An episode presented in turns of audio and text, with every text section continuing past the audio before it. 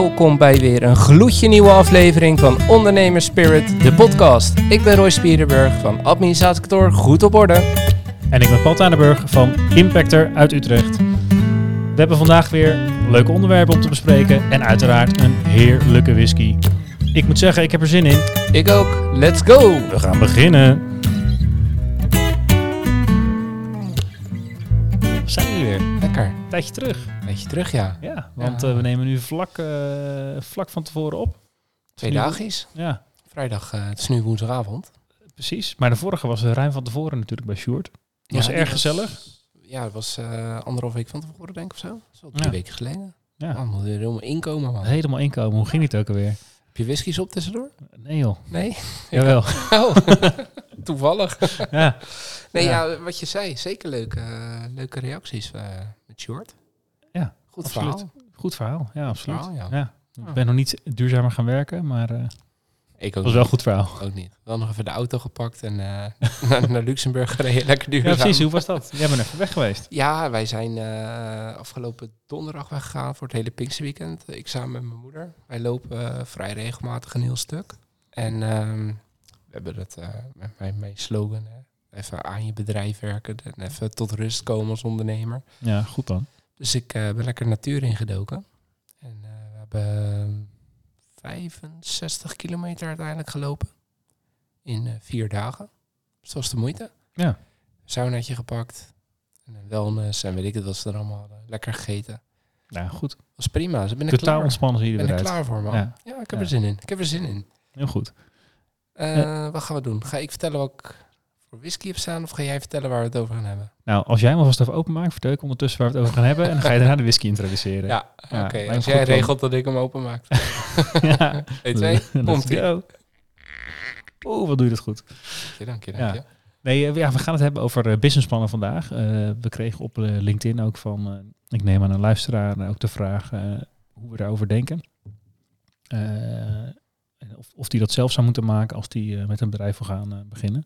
Ik dacht van, nou, dat is een goede vraag om eens te, over te ahoeren. Want heel veel mensen maken ze nog. En je hoort ook vaak eh, dat het onzin is om dat te doen. Dus eh, Ja. laten we voor eens en altijd eh, even vaststellen hoe je dat moet doen. Ja, en, Maar dat kan natuurlijk en niet zonder een drankje. doen. Nee, precies. Dus dat, ik heb de, ar, hoe spreek je het eigenlijk uit? Tot, Ja, het is Frans, hè? ar, Armorique? Armor, Armoric? Het is in ieder geval een, een Franse whisky. De Classic is het. Weet je wat bijzonder? Heb, heb je die zelf gekocht of heb je een cadeau gekregen? Ik eh, heb hem zelf gekocht. nee, ja, eh, jij hebt hem gekocht. Ja, ja. Ik heb hem van jou gehad. Ja, Dus ik denk, nou ja, goed, dan, eh, dan moet ik hem met je delen. Ja, misschien is dat de achtergrondverhaaltje dat ik zocht naar een, een whisky in de slijterij om inderdaad cadeau aan te geven die nog niet zo, waarvan ik zeker wist dat je hem niet kende. Ja, Dan weet ik van vrij veel wel wat je op hebt, maar niet helemaal precies. Dus ja, die vent, nou, als je heel zeker wil zitten, kan je een Bretonse whisky geven, want de kans Ja. is heel klein dat hij die een keer op heeft. ja Dus nou, dat was een goede inschatting. ja. Eh, geen idee. Nee, ja, het is een Bretonse whisky. En ehm, die komt van de Waregem Distillery in Bretagne dus. En in 1983 zijn zij begonnen met het destilleren van, eh, van whisky. Daarvoor deden ze alleen maar fruitdrankjes, likeurtjes, dat soort dingen. Dus in 1987, dus maar liefst vier jaar in plaats van, eh, van drie jaar.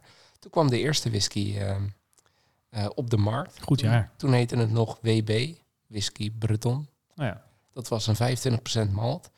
En in 1998 zijn ze ehm, gestart met de introductie van de Armorique of Armoric. En eh, daar hebben we er hier eentje van. arm hoor, Rick. Ja, nou ja, ik hoop niet dat die destilleerder eh Rick heet. Want eh, ja, nee, maar wat nog wel leuk is, even in het, ehm, in het vervolgtraject van waar we het de vorige keer over hadden, duurzaam ondernemen, lokale, lokale ingrediënten, et cetera. De vaten die zijn gemaakt van, van eikenhout en die komen uit het Park d'Armorique. Ik denk dat we ook gelijk de naam. uitspraak hebben trouwens. Ja, Armoriek, ja. En ehm, even kijken, het water wordt ook eh, vanuit 100 meter diepte opgepompt uit de Rest Avel. Wat betekent huis van de wind. En dat is een riviertje daar in de buurt. Dus eh, de basis is, eh, is lokaal. Oké, mooi. Dus we gaan het zien. Ja, Ja, kleurtje, kleurtje, kleurtje. Ja. Redelijk, redelijk licht. Ja, is wel- Wel ook vrij gelig, moet ik zeggen. Ja, en dat klopt ook wel een beetje met de geur. Is ook geel licht. nou, ik Nou, niet ruikt van de persikachtig. eh, Oh, nee, ik zit echt volledig in de, de citrus en Citrus, ja? citroen en eh, die hoek. nou, die hoek snap ik ook wel. Maar ik, ik, ik ruik ook iets zoetigs. En die associeer ik meer met een beetje persikachtig. licht vanille ergens. En die citrustonen die... Bourbonvaten. Het is double cask trouwens. Eerst bourbon. dan sherry. Zo. Gaat lekker of niet? Ja. Gezond hoor, lekker door de Ardennen wandelen. Ja, dat was heerlijk. Ja. Nou, ik moet wel zeggen, ik heb me daar wel eh, van de vier nachten drie keer wakker gehoest s'nachts. Maar ehm, blijkbaar waren die, eh, die kussens gemaakt van veren. En Bassie heeft nog iets eh, overgehouden aan zijn astma. Dat was een, een allergie voor veren. Oh, lekker. Ja, zo lekker als je daar de laatste ochtend achter komt. lag ineens een veertje op mijn matras. dacht ik, hé, hey, hey, dat zou het dat dus. het zijn? Buiten nergens last van. Daar waren geen veren. Nee, ook geen pek. Alles was goed daar. Mooi. Mooi man. Mhm. Hey, hij smaakt wel anders dan ehm, de geur de vermoeden we, vind ik. Minder fruitig. En Meer, ehm, ja, ik weet niet goed hoe ik het noemen. Ik associeer het een beetje met eh, houtig, maar Ja, noten. noten, ja. Noten is misschien wel... Ja, eh, Hout en noten, nou, daar gaan we goed op. Sleentje op de houten noten.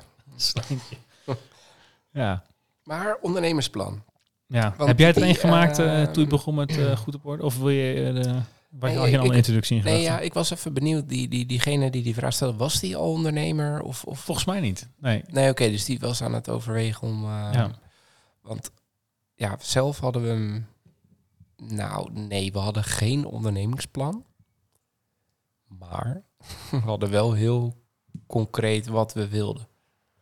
Dus we, hadden, we hadden wel, zeg maar, in, in 1 à 2 A4'tjes... eh, hadden we wel opgeschreven, oké, dit wordt onze doelgroep. Dit is onze visie van hoe onze markt zich gaat ontwikkelen. En daar willen we op deze manier op inspringen. Ja. En dan gaandeweg ga je bijsturen en dan denk je, hé, hey, die type klant past veel meer bij ons dan die type klant. Dus laten we daar meer op gaan focussen. Maar kijk, zo'n ondernemingsplan met echt hele SWOT-analyse en de, de inmiddels 7 P's geloof ik van de marketingmix en dat soort dingen. Nee, dat hadden we niet helemaal uitgeschreven. Nee. Nee. Nee, dat... eh, En ik moet zeggen, want ik zie natuurlijk best wel veel startende ondernemers. De meeste niet. nee. Nee. Ja, waren het ook niet. Maar ik denk ook de twee A4'tjes is denk ik wel oprecht goed om te doen. Dat je wel even eh, je plannen een beetje concretiseert, op papier zet. Eh, dat maakt het misschien ook wat makkelijker om te overleggen. Of een keer om iemand om advies te vragen. Dat je zegt van nou, we hebben het, hè, dit willen we doen. We hebben het zo opgeschreven. Dat je verhaal een beetje consistent blijft. Ja. Maar uitgebreide plannen, we- die hebben we voor onszelf ook niet gemaakt. Ehm, en eh, ja, volgens mij ook een be- beruchte uitspraak die ik zelf eh, regelmatig aanhaal, eh, dat er geen businessplan te vinden is die het eerste contact met klanten overleefd heeft. De eerste keer dat je met de klant praat, kan je gelijk, Dingen Ja. weghalen. gelijk dingen toevoegen. doorstrepen, dingen toevoegen. Ja, is altijd anders in de praktijk dan je van tevoren denkt. We hebben wel heel veel businessplannen geschreven. Ja? Ja, toen we begonnen en toen hebben we regelmatig... Onder het Eh. kader van, eh, joh, eh, je hebt eigenlijk gereden mij. Ik kan het wel heel goed. Nou, ik zal het je beter zeggen. Er Dat- zijn dat plekken waar ze innovatiewedstrijden hebben Mhm. in grote organisaties. Mhm. En dan kunnen mensen een idee indienen. En vroeg of laat ergens in zo'n traject, ehm, dan moeten mensen dan vaak een businessplan gaan maken. Als vanuit als een goede exercitie voor bijvoorbeeld wetenschappers of voor mensen ja, intern in het bedrijf die in principe niet vaak echt iets met de business van doen hebben. Eh, en dan kregen ze dan een geldbedrag voor. Ehm, en eh, dat werd vaak, vaak uitbesteed in ieder geval voor een deel. Dus in onze beginjaren hebben we regelmatig businessplannen gemaakt. Dus inclusief die SWOT-analyse en weet ik wat allemaal. Mooie hockeystick grafieken over eh, hoe de omzet sky high zou gaan. Vijf krachtenmodel van Porter. Ja, ja. Ja, ja, ja. maar ja, dat zijn inderdaad allemaal dingen. Als je Maar dan even- echt naar buiten gaat, ja, dan blijkt maar het toch om wat dan- anders te zijn. Dan heb je dus, want blijkbaar vonden ze dat een goede exercitie voor die eh, wetenschapper. Ja. Want dan ging hij nadenken over zijn business of ook om het zelf te ervaren. Want als je het dan Ja. vervolgens uitbesteedt, wat is dan het net? Nou ja, klopt. Dat ja, is voor, ook, eh, voor jullie. En eh, jullie leren betaald zeg maar je markt kennen. Dus dat is, dat is helemaal ideaal. ja, voor ons was het ideaal. Dat is Ja. een leuke manier om te beginnen. En je bent in contact met wetenschappers. En, maar goed, dat... ehm, ehm, nee, ik denk eigenlijk dat het heel slecht is. Dat, ja, heel kort. Want zeg maar, als je al een businessplan zou moeten schrijven, dan zou je het altijd zelf moeten doen als ondernemer. Ja, toch? Want als je dat laat doen door anderen, en er zijn echt partijen die hier, dat is hun businessmodel, dat is hun dat businessplan. is hun businessplan, businessplannen voor anderen schrijven. Ja. Ja, we hebben het ook al eens een keer met een mentorgesprek met ons erover gehad. En hij zei van, nou, dat is echt het slechtste idee ooit. Want het enige wat je aan een businessplan hebt, is dat je zelf al die dingen bent doorgeakkerd. En dat als je dan een gesprek hebt met iemand, dat je dus, omdat je alles bent doorgeakkerd, zelf die antwoorden kan relateren aan je oorspronkelijke plan of dat, Ja. hoe je het moet interpreteren. Als iemand anders dat voor jou maakt, ja, dan zeg je potentiële klant, eh, ik wil dit of dat. En dan ga je thuis even in je businessplan kijken, oh, wat stond er ook alweer? ja, precies. Ja. En je moet het eigenlijk zelf doorleefd hebben. eh, Ja. En dan zou je er wat aan kunnen hebben. Ja, dat, dat, dat merk ik ook wel veel bij, bij eh, want wij hebben dan voornamelijk te maken met businessplannen van partijen die ehm, op zoek zijn naar, naar vreemd vermogen. Dus, dus Ja. financierders of, of vaste samenwerkingspartnners die willen instappen als aandeelhouder, zeg maar. Ja. Ehm, ja, en dan, dan is het een beetje, ja, ik noem het altijd maar een beetje een scriptie schrijven. Zorg dat die ander blij is, Ja. want dan heb je je doel bereikt. Ja, dan heeft het geen zin. Maar dan zie je ook vaak dat het op dat moment is gewoon, oké, het is binnen. Het wordt in de kast gedonderd en het komt er niet meer uit. Ja, dat, dan heeft het totaal geen zin.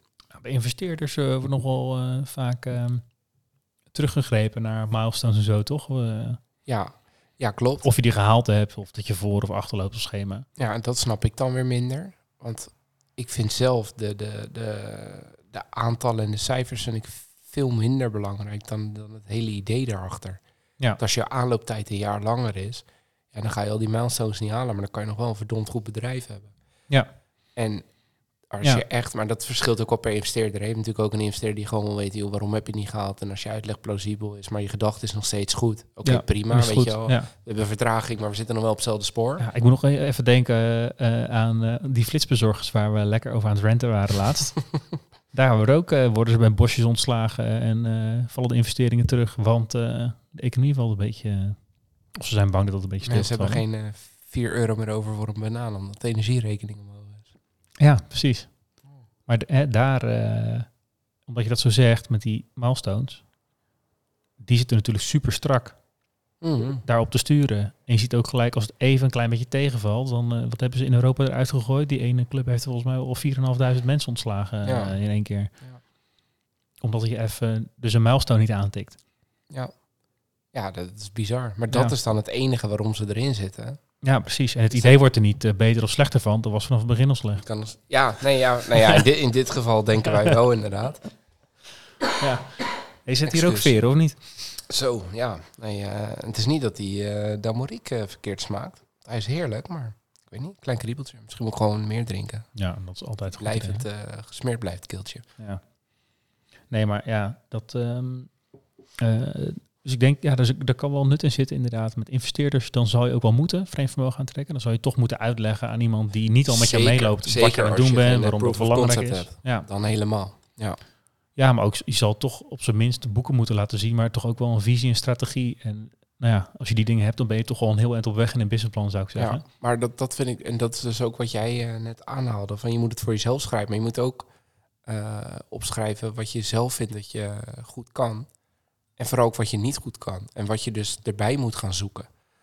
Ja, en als Ja, jij absoluut. dat voor jouw klanten deed, dan, dan heb je het misschien in een één op één gesprek heb je het erover. Ja, zeker, dat wel. Maar dat is toch altijd anders dan. Want zij moest uiteindelijk gaan pitchen. binnen- Ja, Dus het- eigenlijk pitchen ze dan jouw verhaal. Wel op basis van hun input, maar het is jouw interpretatie van, van die input. Ja, en je spreekt het dan wel door. Hè? Maar wij gingen dan bijvoorbeeld gesprekken aan met eh, mensen in het veld, want zij waren te druk.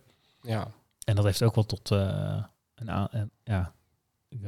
Ja, nou, vind ik toch wel leuk voor om te vertellen. Ik zal even kijken hoe eh geanonimiseerd ik het kan houden.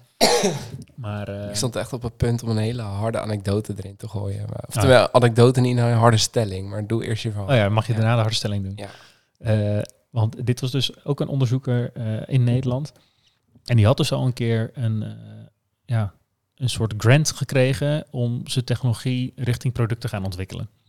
Ja, en een, een grant is gewoon een, een toezegging, toch? Een geldbedrag. Ja, geldbedrag. Ja, subsidie eh, eigenlijk. Ja. Die, eh, sorry, ja, dat is gewoon een goed Nederlands woord, subsidie. Ja. Dus die had hij al een keer gekregen, dat was bijna op. En hij had via via was hij op ons gewezen van dat wij hem zouden kunnen helpen. En daar moest hij eigenlijk, eh, in die eerste fase moest hij zeggen wat zijn idee was en wat hij als onderzoeker had gedaan.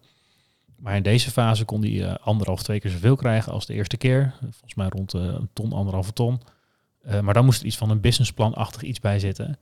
Om wat meer de businesskant te laten zien. De eerste keer ging het eigenlijk puur over, kan dit technologisch werken? Ga dat maar eens uitzoeken. Maar nu moest het meer de businesskant op. En zijn hele verhaal eh, was al vijf jaar lang hetzelfde over hoe die technologie ingezet zou kunnen worden. En het is een beetje lullig voor het verhaal, maar ik kan dan toch niet precies zeggen wat, want het is misschien te makkelijk om het eh, te achterhalen. Hm. Eh, maar wij hebben letterlijk de eerste potentiële klant in de sector die hij op het oog had. Die zei van, nee, onzin, dat, dat gaan we nooit gebruiken, want best goede redenen. De tweede ook, de derde ook, de vierde ook. Ze zijn naar hem gegaan van, joh, we gaan verder niet meer bellen, want iedereen zegt hetzelfde. Niemand heeft die behoefte aan om deze en deze en deze reden. Oh ja, ja, ah, dat wist ik niet, ja. Maar die heeft dus al 50k gemeenschapsgeld en eh, doorheen gefietst. doorheen gefietst. En nog los van dat, hij heeft ook eh, vier van zijn eigen leven eraan, eh, Gespendeerd. eraan gespendeerd. Bizar. Zonder dus überhaupt ooit maar een keer met de klant te hebben gepraat. Alleen maar in zijn hoofd, en niet alleen hij, maar nog heel veel anderen, dat het dus zou kunnen werken. Terwijl het ons, ja, het heeft ons eigenlijk tien minuten gekost om erachter te komen dat het niet klopte. En dan, of die behoefte er is. ja, en dan nog een keer drie kwartier met nog een paar belletjes erachteraan. eh, Bizar. en ja, hè, dan is een businessplan of subsidieaanvraag in, in zijn geval, is dan eh, zou ik zeggen weinig waard als je eh, dat alleen maar achter je computer en eh, op internet opzoekt en opschrijft, in plaats van eventjes. Ja, maar dan is het gewoon een idee en dan hoop je dat je er geld mee kan verdienen. Ja, Ja, Dan, dan als je nul marktonderzoek doet. nou, marktonderzoek van achter je laptop. Dat was het marktonderzoek in zijn Ja, geval geweest. Maar hij had dus blijkbaar was hij wel zover dat hij drie, vier namen had van potentiële klanten die jullie konden benaderen. Nee, nee, dat hebben wij uitgezocht. Oh, dat hebben jullie uitgezocht. Ja. Zelfs dat had hij. eh, nee, nee, zelfs dat hij niet. of zij, eh, nee, zij gewoon in deze sector hebben ze dit nodig. Dus dat Oké. Prima, dan gaan wij kijken Binnen wat voor die partijen er in die sector ja, zitten. precies. Ja, ja, ja. En die zijn we toen gaan bellen.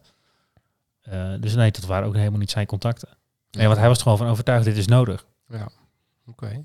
Ja, Bijzonder. dus ja, dat is denk ik, dat is denk ik wel misschien het meest extreme geval wat ik in de praktijk heb gezien. Van een soort van businessplanachtig iets wat hij al had. Deels in zijn hoofd, deels op papier. Waar hij dus zelfs al een keer geld mee had opgehaald. Van de subsidieverstrekker weliswaar. Ehm, en wat meer op de technologie gefocust en op de markt. Maar toch, daar moest hij ook...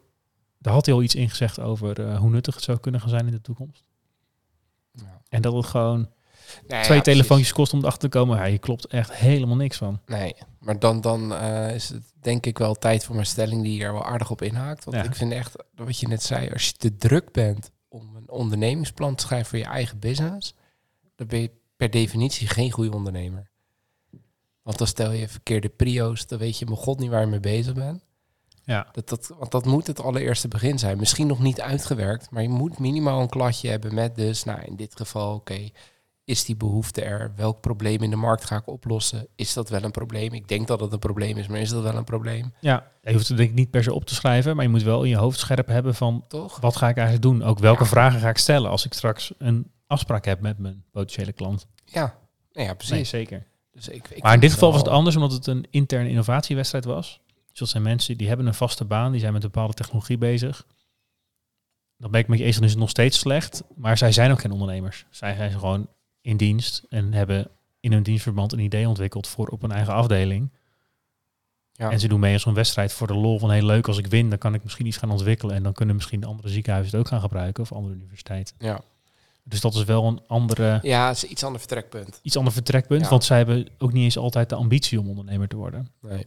Zij willen gewoon van, hey, dit is een tof idee die mijn afdeling beter gaat maken. Ja. En als het hier beter wordt, dan hè, misschien ergens anders ook wel. En dat, dan zou het helemaal mooi zijn. Ja, inderdaad. Ja, ja oké. dus Dus dan iets, iets ander vertrekpunt. Maar ik, ik dan zijn het wel- dus geen ondernemers, maar dat Nee. is dan ook niet eens de ambitie vaak. Nee, oké. maar nee, inderdaad. Maar stel je bent een ondernemer en je hebt geen eh, businessplan. Of een, of een, canvas, zeg maar, business canvas voor jezelf. Van oké, waar wil ik naartoe en hoe wil ik daar komen? Ja, dan durf ik wel te stellen dat je... Of je moet echt onwijs geluk hebben dat je... Nou ja, per ongeluk een in de markt hebt. Of je hebt ineens de markt of, weet ik het wat mee. Ja, dan kan je misschien nog remmen. Anders ga je het gewoon niet redden ook. Want dan weet je helemaal niet of je goed aan het targeten bent. En Ja. Ja, ik zit even te, te zoeken hoe specifiek je het precies bedoelt. Nou, ik had bijvoorbeeld, dat is een mooi voorbeeld. Dat, is een, eh, dat was een, eh, in een niet nader te noemen stad. Diegene wou een lunchroom beginnen. En eh kan vast verklappen, die lunchroom is er uiteindelijk nooit gekomen. Nee, wel een heel goed businessplan. Nou, dit- dat hadden wij hem aangeraden van joh, want hij, dat was een hij, die kwam met een heel verhaal. Ik zeg joh, dat is allemaal prima. Maar wat wil je nou? Wie wil je bereiken? Was in een, in een, in een stad waar nou ja, van vrij arm en studenten tot aan de high class leeft. Dus ja, eh, niet Ja. iedereen komt in dezelfde tent. Kan wel, maar dan moet je ook je kaart daarop aanpassen Ja. wat wil je nou? En toen, kijk, en ik ben dan nog aan de achterkant echt van het financiële onderbouwen.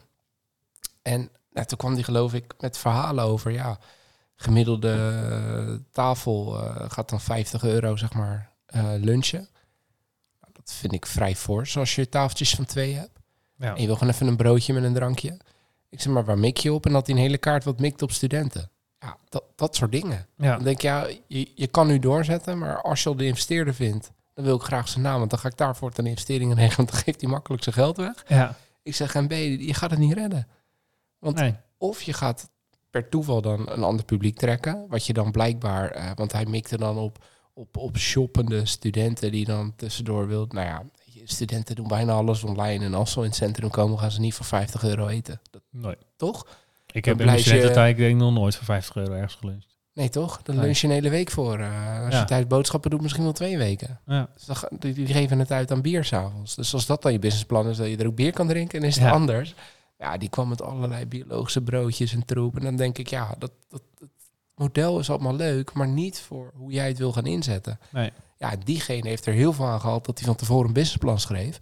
Anders had hij gewoon voor een ton schip ingegaan. ja. Dat waren wel de Ja. bedragen waar, waar die voor ging. Als die al... Kijk, als je dat zelf gaat financieren, ga je het schip in. Maar als je dat ergens op gaat halen, dan, dan moet je ook wel een plan schrijven, toch? Ik bedoel, eh, Ja, als jij ze kent dat mensen zomaar een ton geven als je zegt ik ga een lunchroom starten, dan wil ik het telefoonnummer ook wel. Ja, nee, ja, eens. Maar dit waren wel... eh de reguliere bank doet steeds minder aan financiering. Kunnen we het ook nog wel een keer over hebben.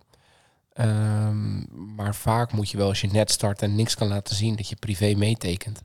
Oh ja. Ja, of je dan een BV bent of niet. Als je privé moet meetekenen, Ja. dan, dan, dan ga je alsnog eh, het schip in. Ja.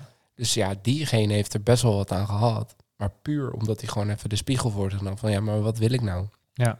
En ik denk dat je daarvoor een businessplan moet schrijven, omdat het je wel helpt in de, eh, nou, de strategische bedrijfsvoering. Dus, en strategisch klinkt lange termijn, maar je bent natuurlijk elke dag met je dagelijkse beslissingen bepaal Ja. je wel of je Ja. wel of niet je strategische doelen gaat halen. En die moet je eigenlijk op een, en dat kan ook niet meer zijn dan een A4'tje, denk ik, gewoon qua speerpunten. Daar willen we naartoe. Dat, want heel simpel. Wat is mijn klant? Oké, hoe ga ik die bereiken? Nou, als het antwoord daarop LinkedIn is, hoef je geen shit voor Instagram te verzinnen. Want Nee. blijkbaar zit die daar niet. Dus voor iets simpels als marketingdingetjes posten, heb je eigenlijk al nodig wie is mijn klant? Moet je erover nagedacht hebben.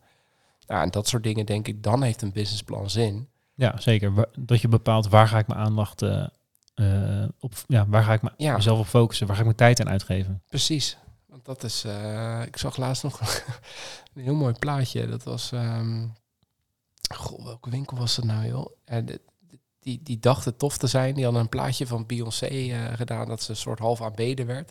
En er stond een tekst onder van eh, bedenk goed dat ook Beyoncé maar 24 uur in een dag heeft. Met andere woorden, hè, je, jij kan ook succesvol zijn, maar je moet ervoor gaan en goede, nuttige dingen doen. Ja.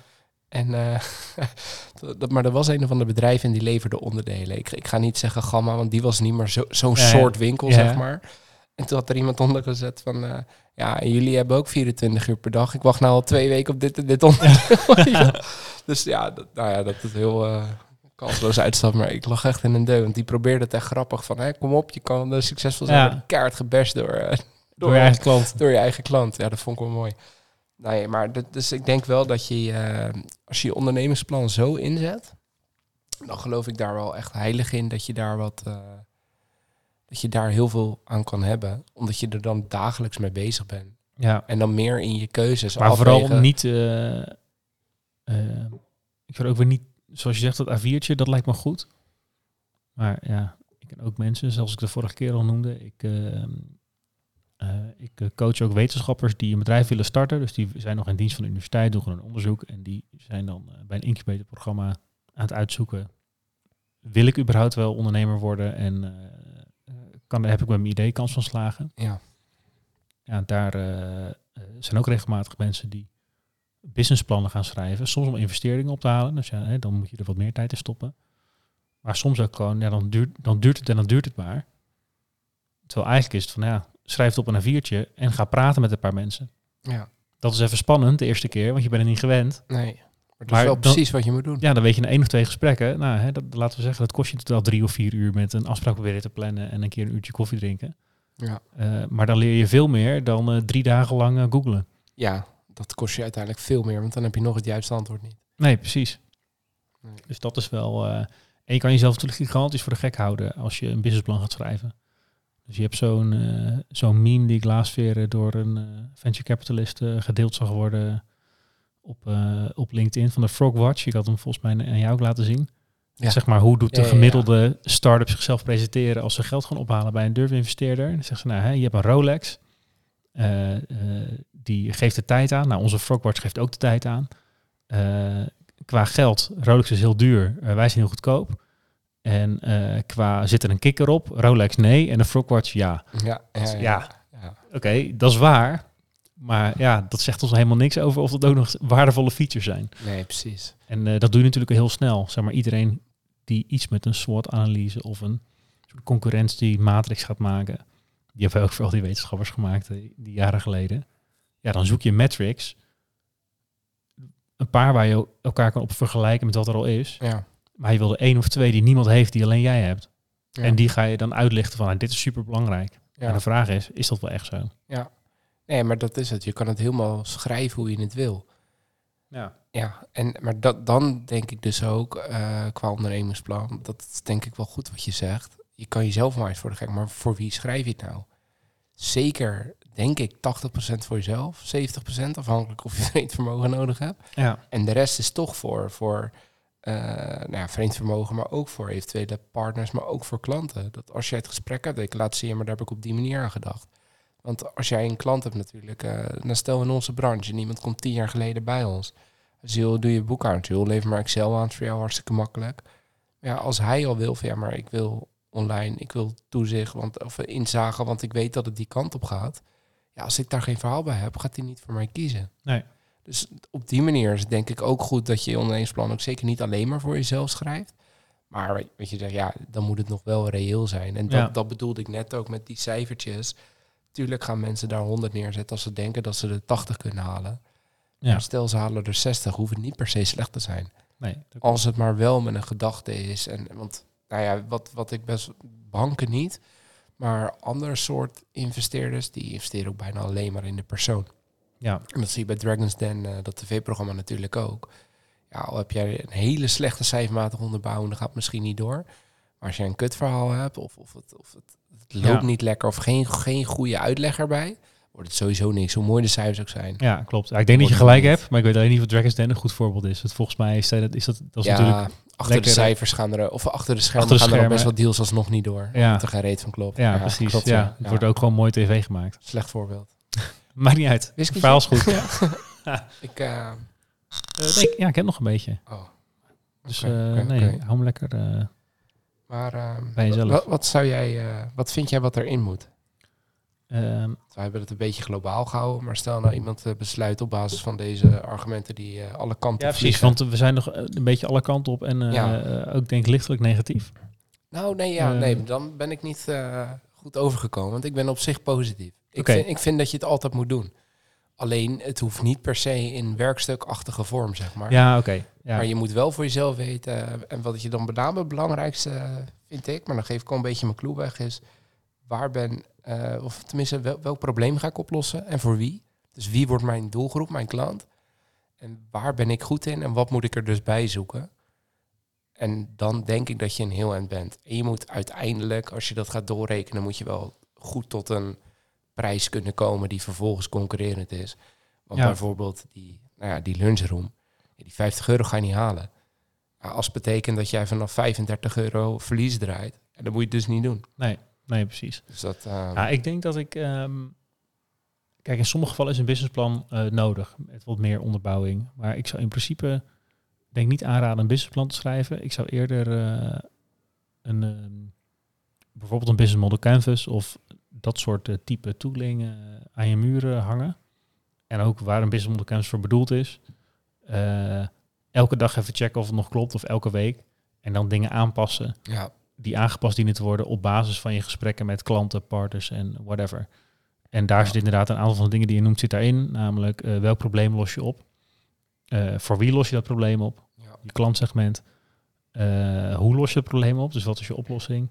Hoe breng je het van jou naar de klant? Hoe zorg je dat de klant jou vindt? ja, hoe betalen ze je? Wat is je kostenstructuur? En welke partners en de kennis en dergelijke heb je nodig om, de om je oplossing te maken? Ja, En dan heb je alles. Heb je het in één A4'tje. Ehm, maar als je nog aan het zoeken bent of, of aan het starten bent, dan is het denk ik handig dat je je realiseert dat, dat, dat, het, nog kan, ehm, dat het nog kan aanpassen op basis van de klant. Ja, Ja, moet- lunchroom werkt dat natuurlijk niet. nee. Eh, maar met een tech-startup eh, eh, moet je wel, zeg maar. Nee, precies. Nou ja, goed, kijk, met een lunchroom kan het ook. Als, als daar uitkomt dat jij high-end gaat zitten, pak je een andere wijk in diezelfde stad, zoek je daar een plek en dan kan het misschien wel. En dan richt je niet op studenten, maar op twee verdieners zonder kinderen Ja, die altijd maar- buiten de deur lunchen. Maar daar moet je al iets meer eh, eh, voor Ja, afdoen. Zeg maar, als je technologie gaat ontwikkelen, dan weet je, nou, dat gaat ons eh, twee jaar kosten. Als het Ja, tegen zit, misschien zo. vier Ja, jaar. Ja, nee, Maar in de tussentijd ben je al heel veel gesprekken aan het voeren, ook om misschien geld op te halen of potentiële klanten of ergens een keer een testje te kunnen doen. Maar een lunchroom, ja, je kan misschien op straat mensen gaan interviewen, maar de vraag is altijd hoe nuttig dat is. Ja. Eh, maar op een gegeven moment moet je dan toch zo'n pand gaan huren. Ja, nee, eens. En je eens. kan ook maar En- en je eh, hebt- zoveel keer eh, al je stoelen gaan vervangen als blijkt van, oh shit, deze uitstraling past niet goed bij mijn klantgroep. Nee, eens. Maar ik denk ook wel dat op basis daarvan is al best wel veel eh, data beschikbaar natuurlijk. Want je weet klopt, de ja. samenstelling van de wijk waarin je gaat zitten. Je weet het gemiddeld bruto inkomen van die wijk waarin je gaat zitten. Nou ja, ja, goed. ja. Maar dat is dus wel eigenlijk je, je desk research. Dat kan je wel gewoon... Zeker, zeker. Ja, maar wat ik dan ook wel eh, zou willen toevoegen... en wat ik wel vaak mis in zo'n ondernemingsplan... is hoe ziet jouw markt er over vijf jaar uit? En dat, dat weet je nooit helemaal. Dus je kan ook zeggen... Ja, dat weet je Meestal toch- helemaal niet, zou ik zelfs willen zeggen. Nee, maar nou ja, goed. Kijk, in ons voorbeeld weet je, eh, in mijn branche weet je gewoon, het gaat de digitale kant op. En het, het, Ja. het echte boekhouden, dat wordt steeds minder. Het wordt veel meer adviseren. Ja. En hoe zich dat dan ontwikkelt, oké, dat, dat, dat is dan vers 2. Maar dat je dan wel al jouw beslissingen die echt, echt pontificaal de andere kant op gaan, of die jou als ondernemer verder moeten brengen, moeten dan wel dat in gedachten hebben. En dat mis ik wel super vaak. En dat snap ik vanuit die bank ook helemaal niet. En dat is hetzelfde, maar goed, nou gaan we een beetje banken bashen. Dat is misschien voor als de Belastingdienst eh bash geweest is, dan kunnen we die doen. Doen we de bashweken. nee, maar bijvoorbeeld, eh we hadden een gozer bij ons werken, die wou een hypotheek hebben. Nou, ik eh, maak een eh, werkgeversverklaring. Ik stuur een loonstrook mee en het is rond binnen drie weken.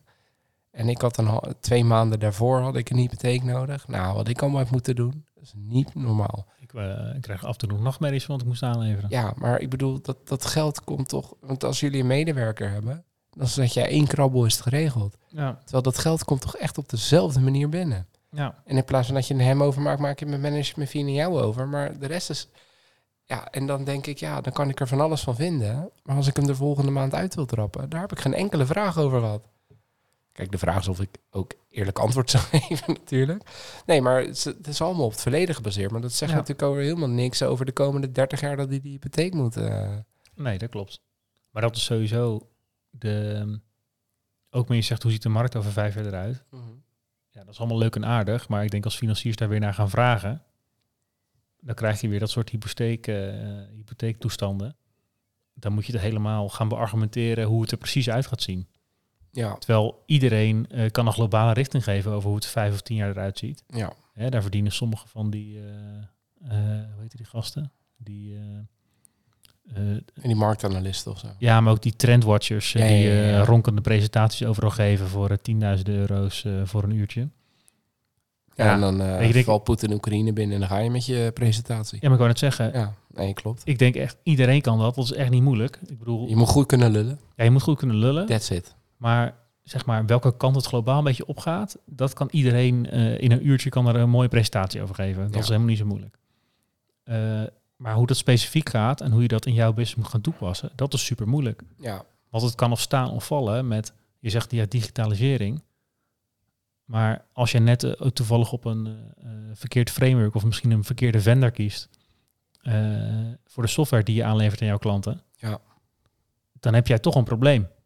En dan heb je wel goed voorspeld, het wordt digitaler. Maar als je dan net op het verkeerde paard hebt gewet. Nee, ja, ik bedoel, Excel is ook digitaal. Als je zegt, ja, wij doen het met Excelletjes, lekker digitaal met de tijd mee. ja. Ja.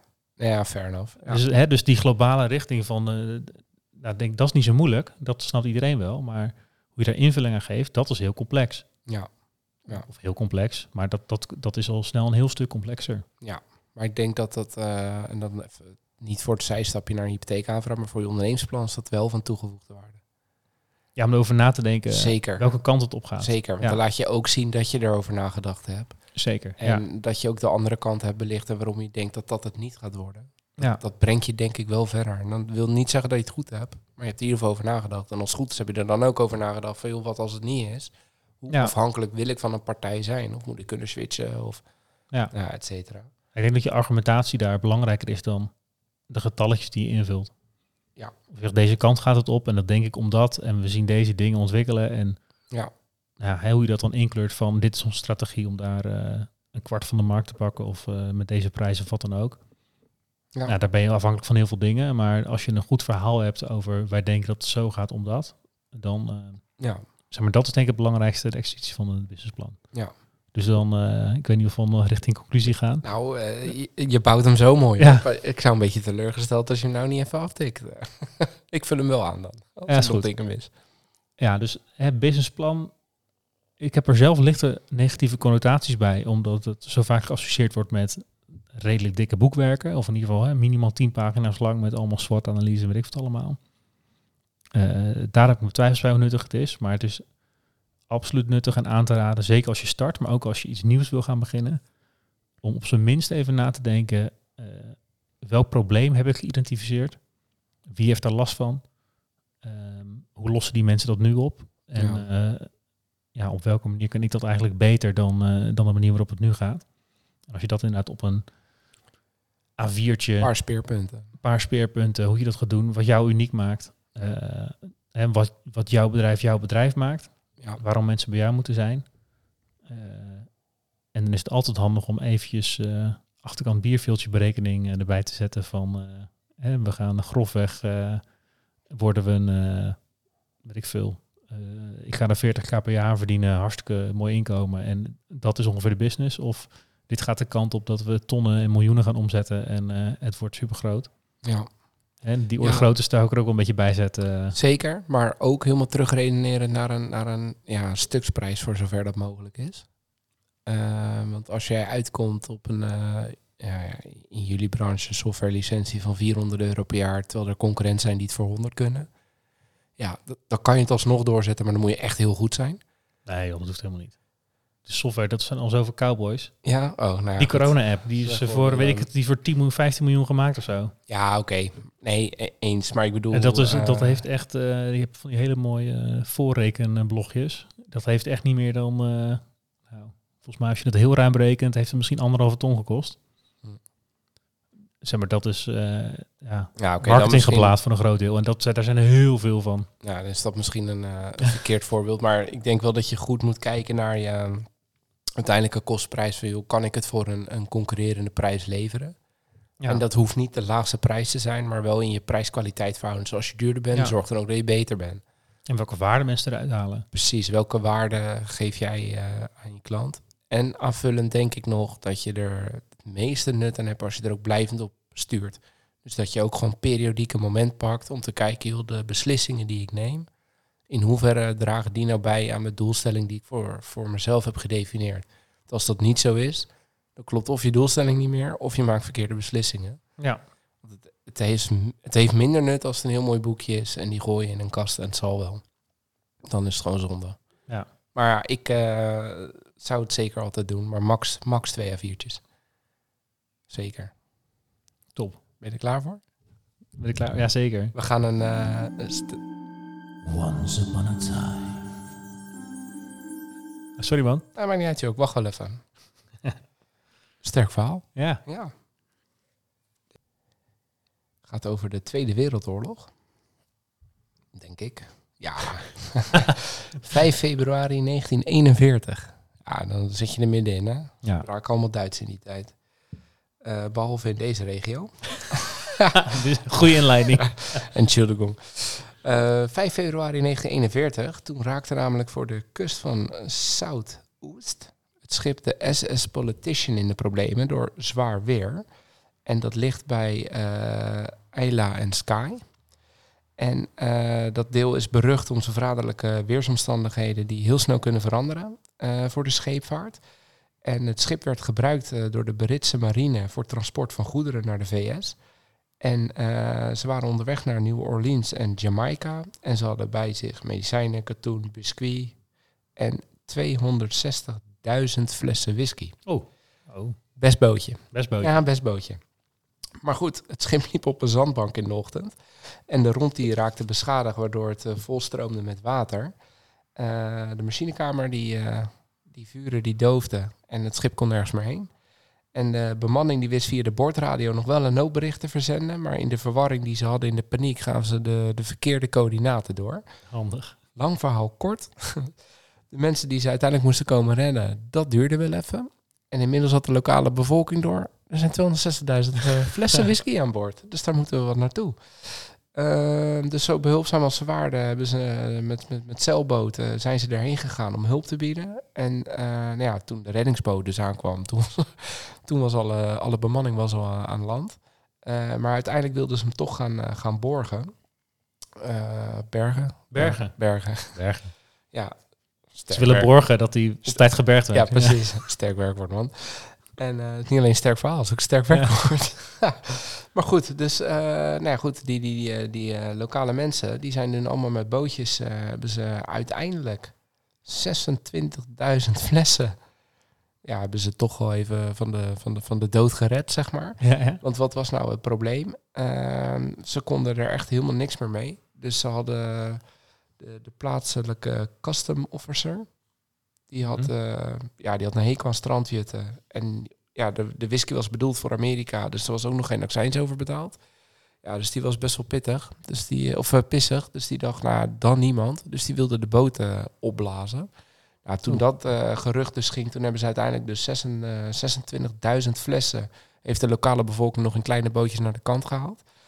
Eh, maar goed, omdat hij zo'n hekel had aan strandjutters, toen had hij een heel team opgetrommeld. Eh, blijkbaar was leger niet nodig in de oorlog, maar had hij daar ook tijd voor.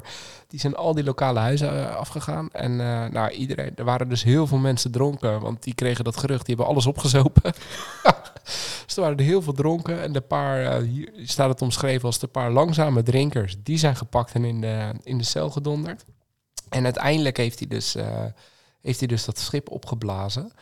Eh, maar in 1987 heeft een eilandbewoner eh, ergens tussen de rotsen nog een kistje met acht onbeschadigde flessen gevonden. Oh. Eh, hij is niet zo heel slim geweest, die persoon. Hij heeft in 1988 verkocht voor 4000 pond per fles. En ik denk als hij ze bewaard had, had hij geen hypotheek meer op zijn huis gehad. Nee, misschien niet. Maar aan de andere kant, 4000 pond per fles. Ja, keer acht. Keer 8. 32, ja, maar de fles uit de Tweede Wereldoorlog met dit verhaal. Ja, dat is waar. We zullen het nooit weten. Ze zijn allemaal verkocht en opgedronken. Als Oh, ze zijn ook opgedronken. nou ja, dat staat hier. Dat naar alle waarschijnlijkheid dat ze er niet meer zijn. Nou ja. En dan is het al beter om ze te verkopen voor 4000 pond per stuk. Ja, dat denk ik ook. Want ik denk niet dat het heel... eh, Er is nog wel één eh, extraatje nog. Eh, omdat er was een film, De Whisky Galore, uit 1949. Mooie, eh, dat is echt een goede, goede tijd voor films. Maar die hebben daar echt een goede comedy van gemaakt eh, in die tijd. Dus daardoor is het echt een legende geworden. En eh, de onafhankelijke bottelaar Duncan Taylor heeft daardoor ook nog een hele serie whiskies onder de naam Whisky Galore uitgebracht. nice. Dus ik heb mezelf voorgenomen om die een keer te gaan spotten voor, eh, voor een volgende aflevering. Ja. En als het dan onder de 4000 pond is, dan is het een goede deal. Dan is het een hele goede... Nee, maar die nieuwe, hè. Die, Ja. ja. 100 euro, zat. Dat is zat. Nou, ik hoop dat we in ieder geval die luisteraar geholpen hebben met eh, wel of niet een ondernemersplan schrijven. Ik hoop dat Doe het we wel, maar eh, houd kort. Dat ja, eigenlijk... ja, eh, precies. Ja, we drie kwartier voor nodig. Ja. Mand, de podcast. ja, dat was hem. Tot de volgende keer. Tot de volgende keer. Dankjewel voor het luisteren naar weer een aflevering van Ondernemerspirit, de podcast. Hopelijk vol met wijze ondernemerslessen en natuurlijk inspiratie voor schitterende whiskies. Volg ons op Insta als je dit vaker wil en subscribe natuurlijk eh, op Spotify. En help ons eh, zo aan een grotere fanbase en eh, ja, dat wij meer ondernemers en whiskyliefhebbers kunnen inspireren met onze mooie verhalen samen met een gast. Tot de volgende keer. Tot de volgende keer.